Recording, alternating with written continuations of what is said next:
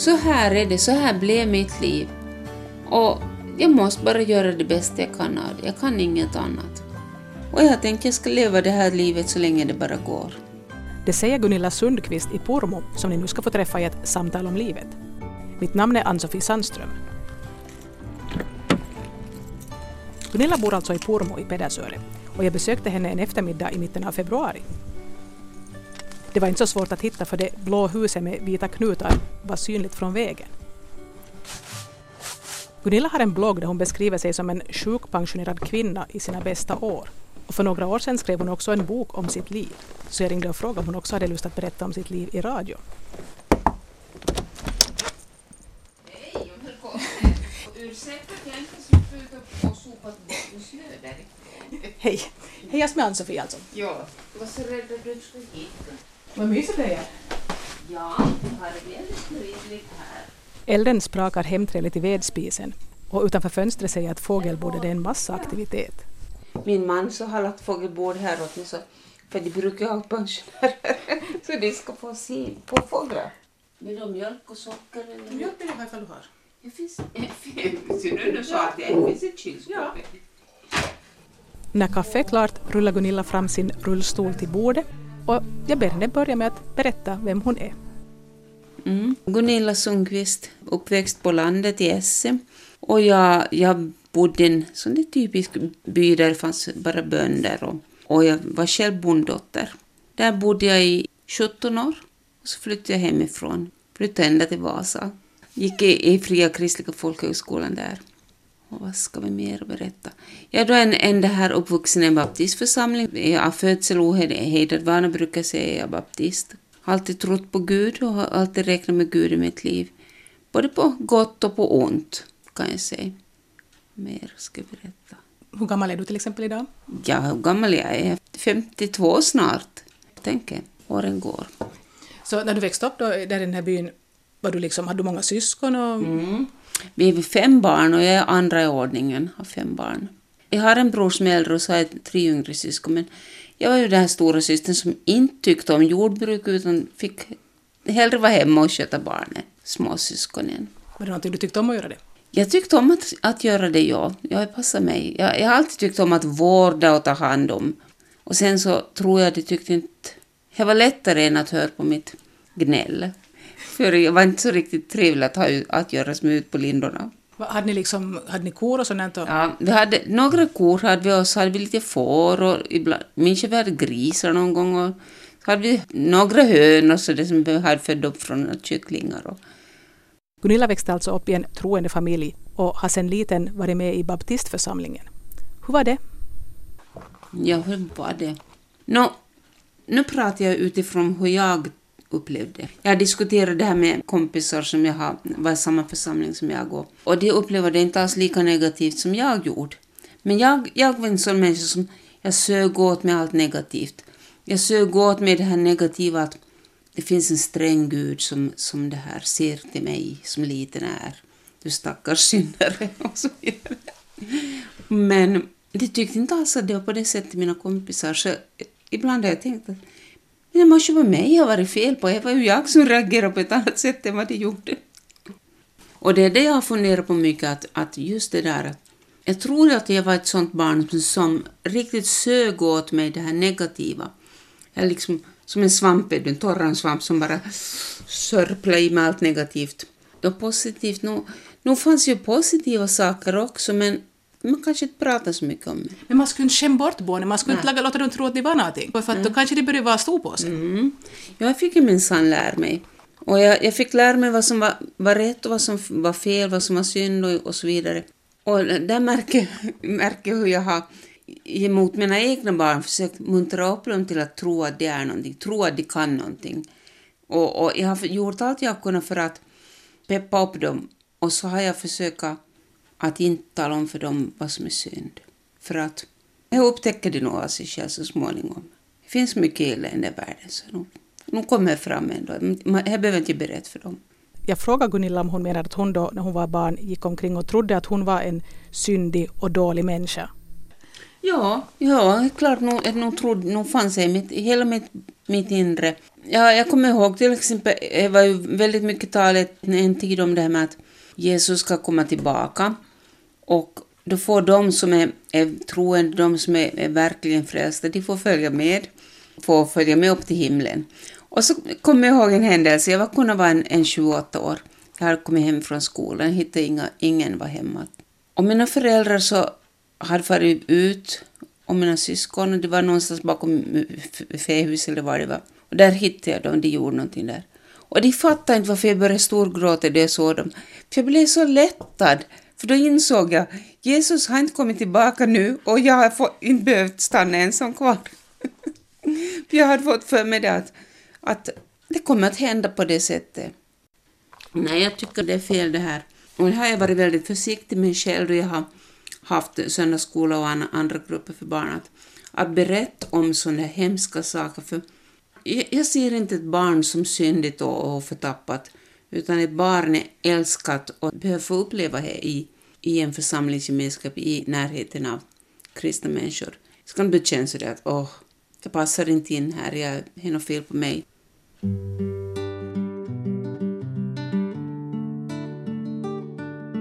Vad tänkte du själv när du var liten att du skulle bli när du blev stor? Jag skulle bli, dels skulle jag bli en sån här rik och berömd inredningsarkitekt. Och sen så, så skulle jag dessutom vara gift, rik och ta hand om en man och många, många barn. Och jag skulle vara den här omhuldande, den här som tog hand om och, och skötte om huset hem och allt. Jag är bra till fantasier, jag tyckte om den tanken. Och det här att bli inredningsarkitekt, gjorde du någonting för att förverkliga den idén? Jag gjorde ingenting åt det därför att redan i skolan så sa min studiehandledare att du ska nog inte inrikta dig på några teoretiska ämnen och något sånt svårt, utan du ska inrikta dig på något, något, något väldigt praktiskt för att, att du är ju inte så teoretiskt lagd. Och, och jag fick ju lära mig det att vi kanske inte var så bra till att läsa vår familj, vi hade inte något läshuvud. Stämde det som han sa, eller tyckte du, var det bara en uppfattning som han hade? Nej, det stämmer ju nog delvis också, för jag har alltid tyckt om, som sagt, jag tyckte om att vårda, jag har tyckt om att ta hand om andra, att, att sköta och allt det här. Och det gjorde ju att jag utbildade mig så småningom till hemvårdare. Men eh, det passade inte mig riktigt. Det, jag, jag var för ung helt enkelt och fick för stort ansvar. Jag hamnade i en sån kommun som fanns mycket barn till hand om. Och en 20-åring ska inte ta ansvar för 15 barn i en familj. Så det passade inte mig.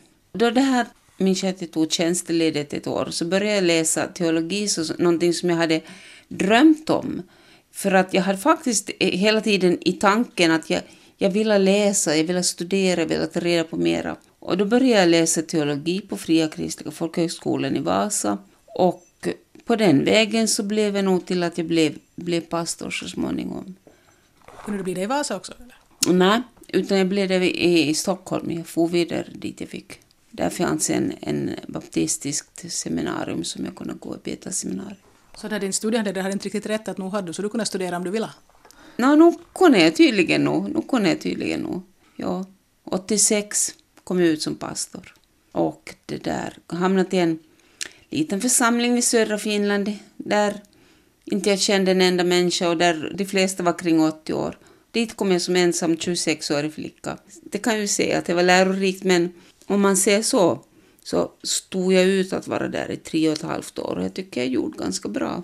Hur valde du att fara just dit eller var det så att man, det fanns inte något annat ställe där det behövdes en pastor just då eller? Nej, just det, det så var det ju att det, det, var, det var där de behövde en och, och då tyckte de i ledningen att nej, men det där är ett bra ställe att börja på. Men det som de aldrig tänkt på, de, de som hade varit där tidigare som tyckte att jag skulle passa där, så de hade familjer, de hade sina fruar och sina barn med sig då de var där.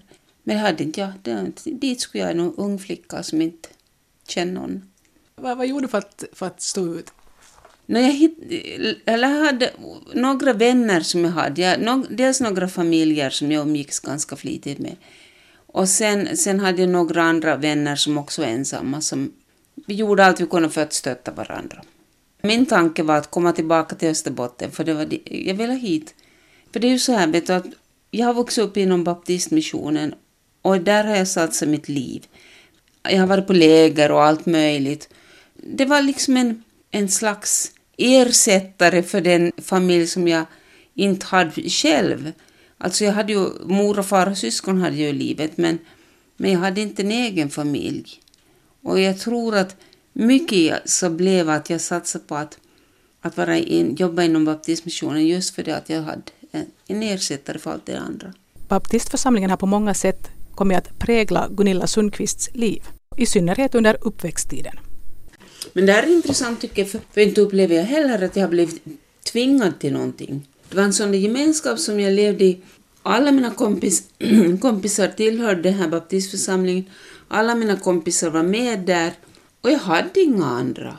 Jag kände inte att jag blev tvingad till det, men, men det, var, det blev mitt liv på något sätt. Jag hade inga andra än dem. Och vi var en blandad grupp på, på pojkar och flickor som växte upp tillsammans i församlingen. Och jag tror att det gjorde att, att vi hölls kvar där, många av oss. För det behöver vara både och. Men det var jätteroligt var det ju. Men det var ju många av dem som började sällskapa med varandra och hitta varandra och sådär. Så blev jag kvar då. Jag hittade ingen. Fanns det någon som du var jättekär i där då? Kanske vi inte ska Nej men nog fanns ju sådana som, som det fanns intresse för, ja, det fanns det. Men det där, det blev ingenting.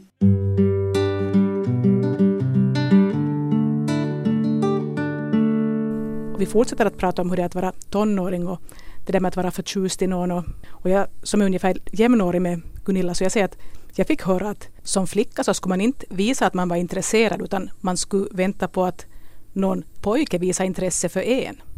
Nej, men det fick jag nog lära mig att ja, man ska inte bjuda ut sig. Nej, det handlar om att man ska inte bjuda ut sig. Så det, det kämpar jag med fortfarande, fast jag är gift.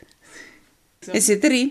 Och, och jag, min, min man sa en dag, Hörru, hur länge tänker, tänker det här, du låter mig vara med om det här att jag ska, måste tala om för dig att jag tycker om dig, jag älskar dig som du är.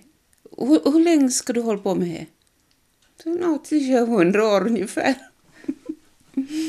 för jag sitter så djupt i det här att men, jag hittade ingen, det var ingen som ville ha mig, alltså är jag inte värd. För mig hade mycket att göra med varandra det här att jag var inte värd att få uppleva kärlek, jag var inte värd att få, få ta emot någonting eftersom ingen hade visat något speciellt större intresse heller. Och eftersom du inte själv då bjöd ut det ingen, det kanske fanns folk som gick och var hemligt förtjust i dig och de vågade inte ens, de var lika blyg som mm. många är i tonåren och du gjorde inte något tecken att du var intresserad så det blev inte nå, så kan det ju ha varit. Ja, det kan mycket väl ha varit så. Gunilla hann vara ensam ganska länge och ensamheten var för henne verkligen ett stort problem. Jag minns den där dagen som igår då jag fyllt 30 år, då jag insåg det, att här är jag fortfarande och ingen vill ha mig. Alltså håller jag på att torka bort, jag dör bort, utan att hitta någon. Att mina syskon och mina kompisar och alla andra har hittat någon, men inte jag. Och det är ingen som vill ha mig. Det blev liksom bekräftat då att, att ingen ville ha mig, alltså är jag inte värd. Det blev en ond cirkel du hade ju massor av vänner och du hade ju träffat mm. folk. Du hade ju, så jag menar, det fanns ju folk som ville vara i ditt Ja, som sökte ja, ett sällskap. Precis, jag har jättemycket vänner så det, jag, jag förstår inte det där själv. Men det måste ha någonting att göra med det här, någonting som är inbyggt i mig, det här att jag, jag är väldigt negativ inom mig och ser, som jag sa, suger åt mig allt negativt.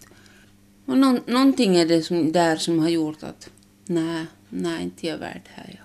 Jag känner mig jätteensam under den här tiden då jag var pastor dit i Karis.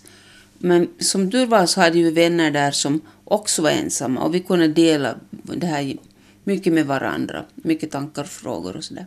Men ni kom inte på något sätt att ta er ur den här ensamheten? Nej, för att det enda som fanns där, att, så det var ju att få ut på krogen och ragga upp någon. Och det gör man inte om man är frikyrkopastor, ensam sådan. Man gör inte. Men sen så flyttade jag därifrån och flyttade, flyttade upp till Munsala och där träffade jag min man. Jag måste flytta till Munsala för att jag träffade en Kokkolabo. Så här berättar Gunilla om hur hon mådde då på sommaren före hon träffade sin man. Det var den sommaren som jag fyllde 30, jag fyllde i juni. Så var jag hemma på semester i juli. Då får jag ut en dag ut på cykel och jag, jag kände bara att jag orkar inte mera. Jag orkar inte vara ensam mera. Det, liksom, det, nu räcker det. Det får vara slut nu. Så jag sa till min mamma då att jag, att jag får ut på en cykeltur ut i skogen. Och hon sa då, när maten är färdig, det säger mammor, att du ska komma hem till maten då.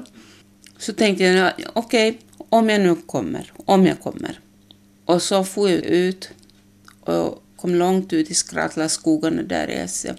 Och där så grät jag och skrek ut min smärta över hur, hur jobbigt det var, hur svårt det kändes att vara ensam. Och jag bad, ropade till Gud om hjälp, att nu måste du hjälpa mig så att jag, jag, jag står inte ut med den här ensamheten längre. Eh, det hade gått så långt att jag till och med hade börjat ifrågasätta om den Gud som jag hade trott på sig ända sedan barn, om han överhuvudtaget brydde sig om mig. Om han överhuvudtaget fanns.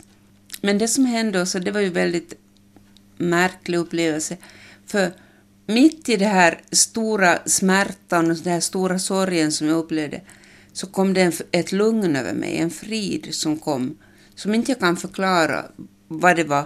Det är inte någon sån där teori, finns något varken teologisk eller teoretisk eller någon annan förklaring till det.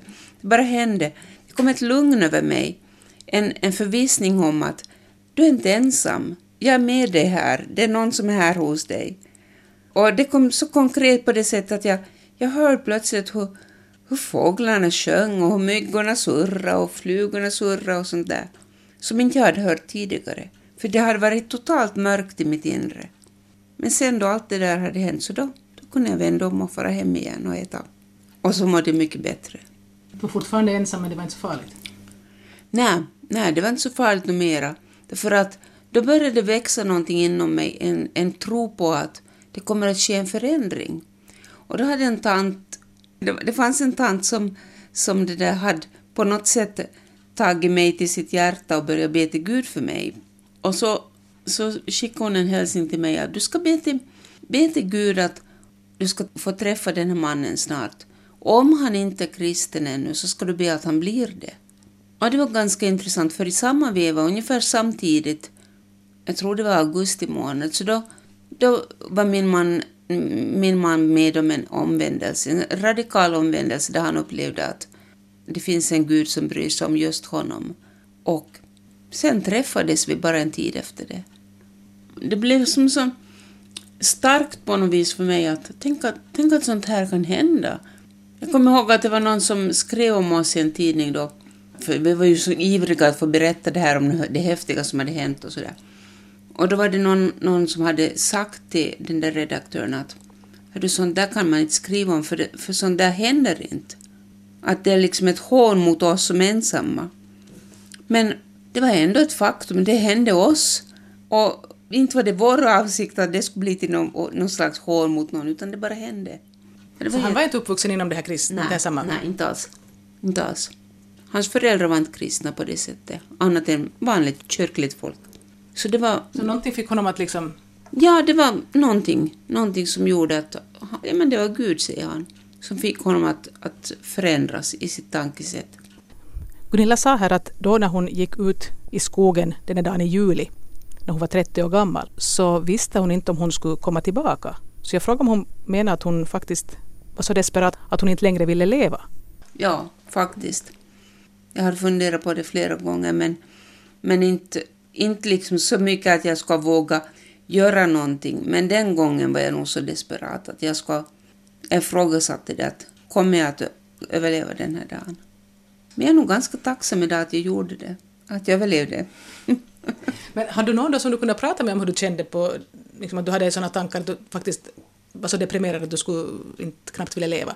No, egentligen så, så hade jag inte så många att prata med om, om sådana saker. Det var det kanske det som gjorde att jag bar allting inom mig själv som gjorde att det blev så mycket svårare. Men inte, inte kan jag säga att jag hade någon som jag på det sättet pratade med. Nej, inte då. Det gjorde jag först senare, försökte jag bearbeta det senare när, när så mycket annat hände i livet. För att det var ju, det var ju egentligen, jag träffade min man, vi sällskapade ju bara en kort tid. Vi träffades på hösten och gifte oss på våren. Och då, då ännu hade jag inte blivit sjuk. Och det här med sjukdomen, så det, var ju, det gjorde ju nog att, att allting förändrades för mig. Och först efter det började jag bearbeta sådana svåra saker. Så du, ni hann gifta er och så... Ja, vi, vi var, hade inte varit gifta ett helt år ännu när jag fick diagnosen att jag har MS. Och det var, det var i början på 92 när jag fick min diagnos. Och det var tufft. Det var mycket tufft. Det är snart 20 år sedan Gunilla Sundqvist fick diagnosen multipel skleros.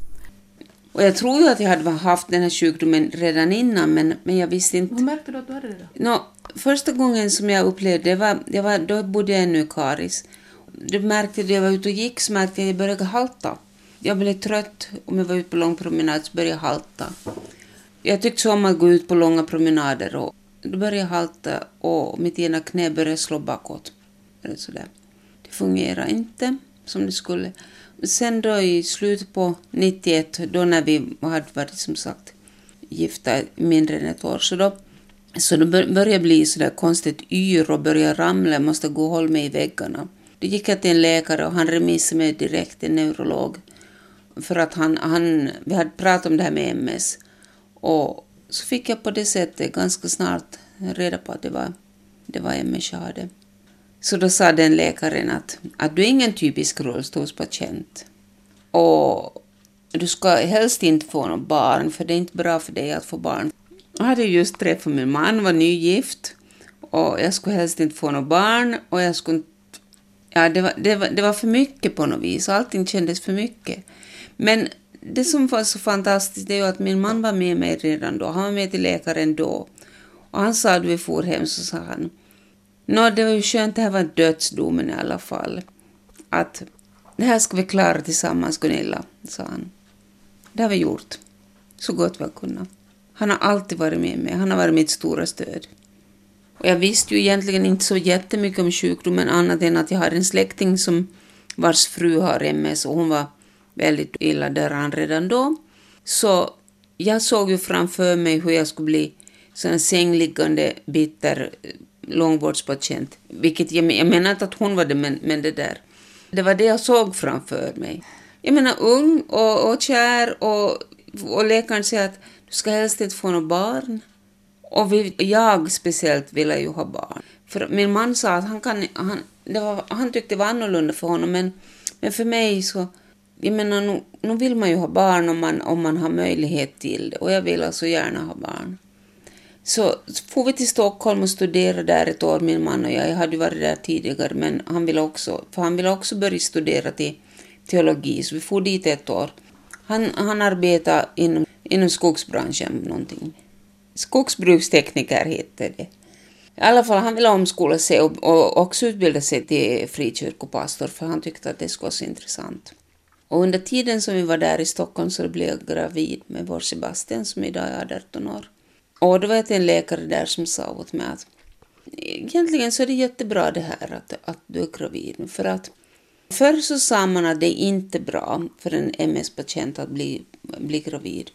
Men nu har man nog kommit fram till att, alltså det här var på 92 då, nej 93 som det hände, så sa han att nu har forskningen kommit till det att det är bättre för en kvinna som får, får MS att få barn Därför att då har du någonting att kämpa för.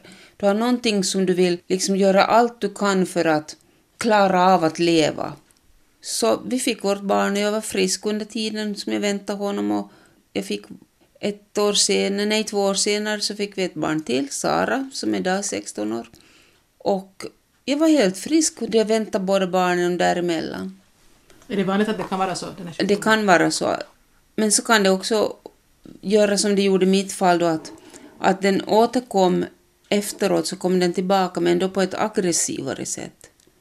Och det hade ju förstås på ett sätt räknat med samtidigt som jag hade hoppats någonstans inom mig att, att den Gud jag alltid har trott på skulle göra ett under och göra mig helt frisk. Vilket jag ju hade blivit, Eh, vad ska vi säga, den, den undervisningen hade jag ju fått i, i det sammanhang jag växte upp i, att, att det kan ske. Och det tvivlar jag inte på än i denna dag att det inte skulle kunna ske, för jag menar så mycket har jag varit med om så jag vet att under kan ske. Det, det vet jag bara. Men det där, det har inte skett i mitt fall om man säger så. Jo, jo i och för sig, så det, det är inte sant. Det sker ju hela tiden, dagligen. Undren sker ju varje dag. Men inte här undret att du skulle bli botad från sjukdomen? Nej, inte undret. Men undret till exempel att jag inte bitter och inåtvänd på grund av sjukdomen. Det är ju ett under. Att jag kan vakna på morgonen och, och komma upp ur sängen, det är ju ett under. Visserligen med möda och stort besvär ibland, men det är en annan sak. Mm. Hur var det då att vara mamma när den sen kom tillbaka den här sjukdomen? Hur inverkade det på ditt sätt att kunna ta hand om dem? De började bli ganska stora då redan så att de, de, de fick ju lära sig då från ganska tidigt att de måste hjälpa till. De, måste, de fick lära sig väldigt mycket saker fort. Vi pratade om det senast igår kväll med barnen, att de har tidigt fått lära sig att, att klä på sig själva, ta ansvar och jag har inte behövt göra allting åt dem. Och det var, när de kom tillbaka så var de tre och, tre och fem år bara, men ändå så har de jätteduktiga och klarat av det. För att jag var frisk så gott som ända fram till från jag fick första barnet 93 till 98 när jag fick mitt tredje barn som då föddes efter halva graviditetstiden bara. Han föddes och död. Och det gjorde att jag blev väldigt deprimerad igen. Och det gjorde att vi bland annat bestämde oss för att vi, må, vi bodde i en pastors bostad i Överpormo då för min man var pastor där i, i Överpormo. Så då bestämde vi att nej, nu flyttar vi nog därifrån för att, att jag ska börja må bättre, för, för vi kan bo där då jag känner mig så. Det var så jobbigt. Jag kunde inte tänka mig att bo så där avsides hela tiden. Och just det där att, att bo i ett hus som inte var vårt eget. För vi, hade, vi bodde på hyra och vi hyrde ut av församlingen. Och det har, det har mycket fördelar. Det har jättemycket fördelar att hyra hus av församlingen. Men det har också sådana nackdelar där man, som, som till exempel att man känner att, att jag kanske inte får vara min egen utan jag är någon annans. Men då flyttade vi hit och det var det bästa jag har gjort, tycker jag. Det känns bra här. Speciellt sommartid när fotbollsplan här är full med ungar så det är ju minsann liv och rörelse. Så det här. Och det är inte så långt bort hit som man skulle tycka. Jag tyckte det gick fort för det kom från Nykabi så det var så långt inte.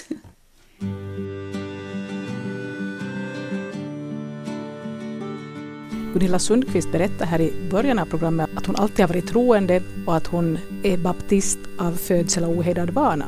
Jag frågar om hennes tro på något sätt har förändrats sedan hon växte upp.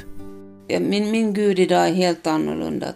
Han är mera, mera mänsklig, mera förstående, mera, det är mera kärlek bakom. En Gud som inte bara trycker ner utan en som, som faktiskt lyfter upp och bär. Och det, det tycker jag är viktigt för mig i det liv jag lever idag, att ha någon som bär mig. Inte bara den här, den här Otto som jag sitter på, inte bara han som bär mig, utan det är någon annan. Han har ett namn. Det står namn på ryggen till och med. Ja, det står så. Ja, Otto Bock. Mm. Just så, ja. Otto. Men du, har, du har Otto. Vi har en mm. frasse som heter Otto. Vi ja. ja, så det där. Ja, jag har Otto, ja. Men det är inte bara Otto som bär mig. Rullstolen som har namnet Otto har Gunilla börjat använda först nu i vinter. Det känns väldigt jobbigt och, och förnedrande på något vis att tänka sig att jag kan inte gå längre, jag kan inte, jag, jag är inte som alla andra längre. Och det där har alltid varit svårt för mig. Det där att inte vara som alla andra. Jag skulle borde vara bättre, jag skulle borde vara... Det kommer fram igen det här med kraven. Jag skulle borde vara annorlunda, jag skulle borde vara bättre. Men det har varit svårt att ställa om sig, ja. Men jag märker ju att jag mer och mer börjar acceptera det för att det är lättare att ta sig fram med rullstol än vad det var att, att än att gå, jag går mycket med rullator inomhus men då måste jag hela tiden tänka på var jag har mina fötter så att jag inte ramlar, vilket jag ofta gör ändå. Så då är det bättre att sätta sig i rullstolen. Ute orkar jag inte gå utan rullstol längre. Det funkar inte alls. Men första gången som vi for, skulle sitta i rullstol så sa jag till min man att vi ska få långt bort så att vi inte behöver träffa några människor som jag känner. Så får vi till Ylivieska, till Kärkäinen och så träffade vi, det första vi gjorde var att vi träffade några purmobor där. Varför var det så illa att träffa någon man kände då? För att det, jag vet inte. Men någonstans var det det här att det kändes som att jaha, är det så illa med henne nu? Jag frågar om Gunilla har något annat fortskaffningsmedel hon kan använda. Mm, sommartid. Jag har en sån där elmoped som jag kan köra runt med. Den är häftig. Man kan köra 40 kilometer i ett streck. Folk frågar, speciellt män brukar fråga, hur långt kan du köra och hur fort går den? Så då brukar jag svara, jag kan köra 40 kilometer och den går 14 kilometer i timmen. Ibland så skulle jag önska att den skulle gå lite snabbare. Sen finns det ju det här med att vara handikappad. Det är ju jättejobbigt att bara det här att lära dig att sitta i rullstol då du ska göra någonting, fara någonstans. Jag kan till exempel inte bara hoppa på första bästa flygplan och få på en sista minuten-resa, utan allting ska planeras in i minsta detalj. Får jag bärhjälp upp i flygplanet? Finns det någon som tar hand om mig så att jag kommer upp, upp och ner? Man ska hela tiden tänka på allt sånt där att ja, jag orkar inte riktigt med sånt. Så ibland så väljer jag att stanna hemma. Det är lättare att vara hemma. Fast jag skulle vilja fara någonstans. Gunilla nämnde här tidigare att hon tyckte det var förnedrande att använda rullstol och att hon har krav på sig själv att hon borde vara minst lika duktig som alla andra. Mm. Jag tror det finns någonstans där. Och det, tror jag, det vill jag absolut inte skylla på någon annan, utan det kommer nog inifrån mig själv. Men varför det gör det, det vet jag inte, men jag bara funtar på det sättet. Tycker jag är ett bra uttryck att säga. Jag funtar på det sättet att jag skulle borde klara mig, jag skulle borde vara bättre än andra. Åtminstone så pass att jag nu inte skulle ha blivit sjuk i alla fall. Det var ju inte meningen att det skulle bli så. No, inte det är väl hemskt många som menar att de ska bli sjuka? Nej, och det är ju det som är så skönt i och för sig när man ser i backspegeln, det är ju att det är skönt att jag inte visste om det här då jag gift mig. För det kan hända att jag skulle aldrig ha vågat gifta mig då. Skulle jag tänkt då att ja, om 20 år så kommer jag sitta i rullstol, då skulle jag aldrig ha vågat gifta mig. Då kanske jag skulle suttit på något hem någonstans idag och varit bitter och inåtvänd. Men nu sitter jag här och är inte bitter och inåtvänd, men jag sitter på hemmet. Mitt eget hem. Som har ett vackert namn. Det heter Sommarbo. Sommarbo passar mig. det är sådär mellan 18 och 20 grader. Det är perfekt för mig. Får vi ut och potta i trädgården. Och jag har mycket rabatter och det tycker jag är jätteroligt. Jag är ju sån här trädgårdsmänniska. Till min sorg så klarar jag inte av att sköta det så mycket som jag skulle vilja längre men jag, gör, jag är ganska envis så jag gör ju mycket ändå. Jag kör runt med min elmoped och, och med sekatören i handen och knipsar av blommor och, och allt möjligt här och, och, olika grenar som växer på fel ställe. Och så böjer jag mig ner och plockar ogräs eller så släpper jag mig ner på marken och ligger där och plockar ogräs. Om jag sen kommer med upp är en annan sak men jag försöker i alla fall. Fast jag tänkte nog en vår här när jag höll på, låg på knä och räfsa på gräsmattan tänkte jag ja, kanske inte alla människor skulle vara så här tokiga att de gör så men jag har slutat fråga. Det tycker jag är skönt när man fyller 50, man behöver inte fråga hela tiden. Har du frågat hittills, fram till dess? Nästan. jag har frågat mycket av andra. Jag är en sån som har varit väldigt beroende av vad andra tycker om mig. Så jag frågar mycket hur man ska göra eller inte göra.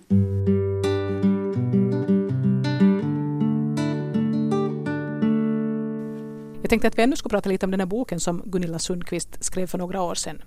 Den har titeln Under himlen, en liten bok om livets många handar. Jag måste på något vis skriva av mig av det, allt det jag har varit med om, både positivt och negativt. Jag måste, måste få bearbeta det jag hade varit med om. Då blev det till en bok. Hur reagerar folk då häromkring när den kom ut?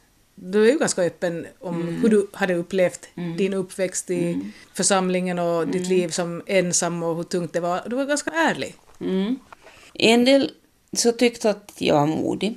Så fanns det också sådana som tyckte att hur kunde du? Hur kunde du svika oss så där? Som upplevde mig som att jag svek. Men vem svek du, enligt vem?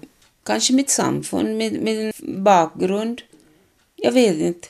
Men det fanns de som upplevde det på det sättet. Men de flesta som, som fa faktiskt tog kontakt med mig, det var sådana som var helt utifrån, som kunde ringa och tacka mig för att jag hade skrivit boken. Att det var skönt att någon äntligen lägger ord för det som, var, som jag också har fått uppleva. Så jag tror att någonstans har jag nog nått ut till en del människor. Och det är inte något som du ångrar efteråt att du gjorde va? Någon gång har jag nog tänkt att nej, va, varför gjorde jag sådär? Att nej, usch pinsamt. Det var mer det där att det var pinsamt att varför skulle jag komma och försöka hålla fram mig själv? Men nu några år senare så kan jag till och med känna mig lite sådär stolt att nej men jag gjorde det. Jag skrev en bok om, om den delen av, av mitt liv som jag behövde få bearbeta. Och det känns riktigt bra idag. Gunilla tycker mycket om att skriva och hon har en blogg som man hittar om man söker på Adinas funderingar. Min mormor hette Adina och jag har knyckt hennes namn. Min mormor var en fin människa som jag tyckte om. Jag lägger mycket tid vid datorn. Det är, det är nog min arbetsplats idag. Jag, jag kan inte ha det här så mycket människokontakter, jag kan inte predika och, och, och vara i farten på det sättet. Men jag sitter mycket vid datorn och har kontakt med massor med olika människor som jag aldrig i mitt liv trodde att jag skulle få kontakt med. Så det är intressant. Mycket intressant. Vi har redan suttit och pratat ganska länge och jag frågar Gunilla ifall hon har någonting hon skulle vilja tillägga. Det som, som jag har kanske tänkt lite på att livet så blev, det blev inte så som jag hade tänkt mig då jag var ung. Det blev annorlunda. Men på något sätt så tycker jag det blev bättre än jag hade vågat tro att det skulle bli. Trots allt, trots sjukdomen och trots att jag inte kan gå idag, så är jag glad över mitt liv. Det blev bättre på något vis. För jag, jag har fått så mycket, jag har fått så otroligt mycket rikedom i livet. Jag har fått så mycket glädje i livet som jag kanske inte skulle ha märkt annars. Men det räcker med att jag kan sitta här och titta på småfåglarna. Det kanske inte skulle ha tid till om jag skulle ha varit frisk och full fart och sprungit runt i världen. Jag har fått lära mig att nöja mig med mindre saker. Livet är inte rättvist. Det är inte rättvist. Jag skrev idag senast på min blogg, nu håller jag fram min blogg igen, skrev, jag fick en, en tavla här för några år sedan av en väninna där det stod broderat på tavlan. Om livet ger dig en citron så kan du alltid göra saft av den. Och det, precis så är det ju. Om livet ger mig en citron så kan jag göra saft av den. Jag kan göra någonting annat av det istället. Jag måste, det går till att leva med det mesta. Hittills har jag varit väldigt duktig på det sättet. Folk pratar om mig på det sättet att jag, jag bakar mitt bröd, jag bakar bullar och allt det där. Men jag märker att jag måste börja ta ner på det för att jag inte orkar lika mycket. Och det, det tar hårt i mig att inse att jag klarar inte av lika mycket som jag gjorde förr. Men jag måste lära mig det också.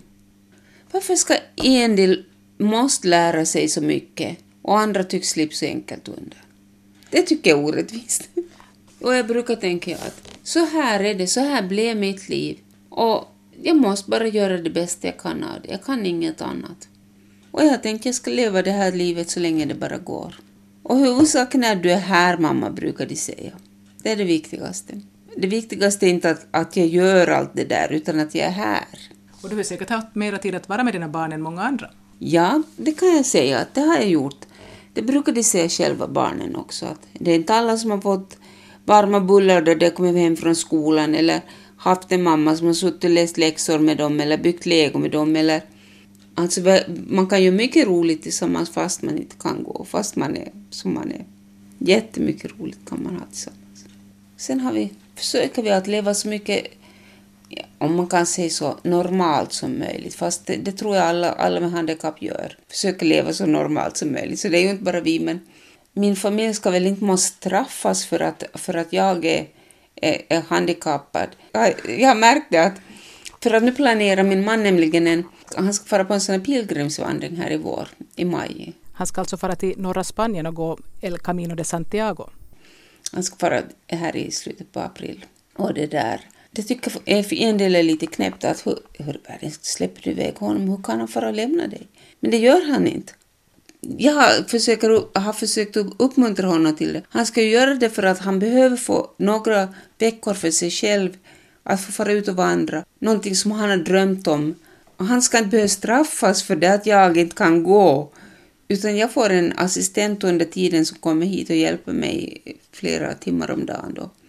Så jag tycker det känns jättespännande och lite sådär roligt också att ah, vi ska nog bevisa att vi klarar det här. Det ska nog gå på något vis. Men jag tycker det ska bli riktigt intressant att han ska få fara iväg på det där. Jag tycker det, det unnar jag honom. Och jag märker hela familjen är med på det också.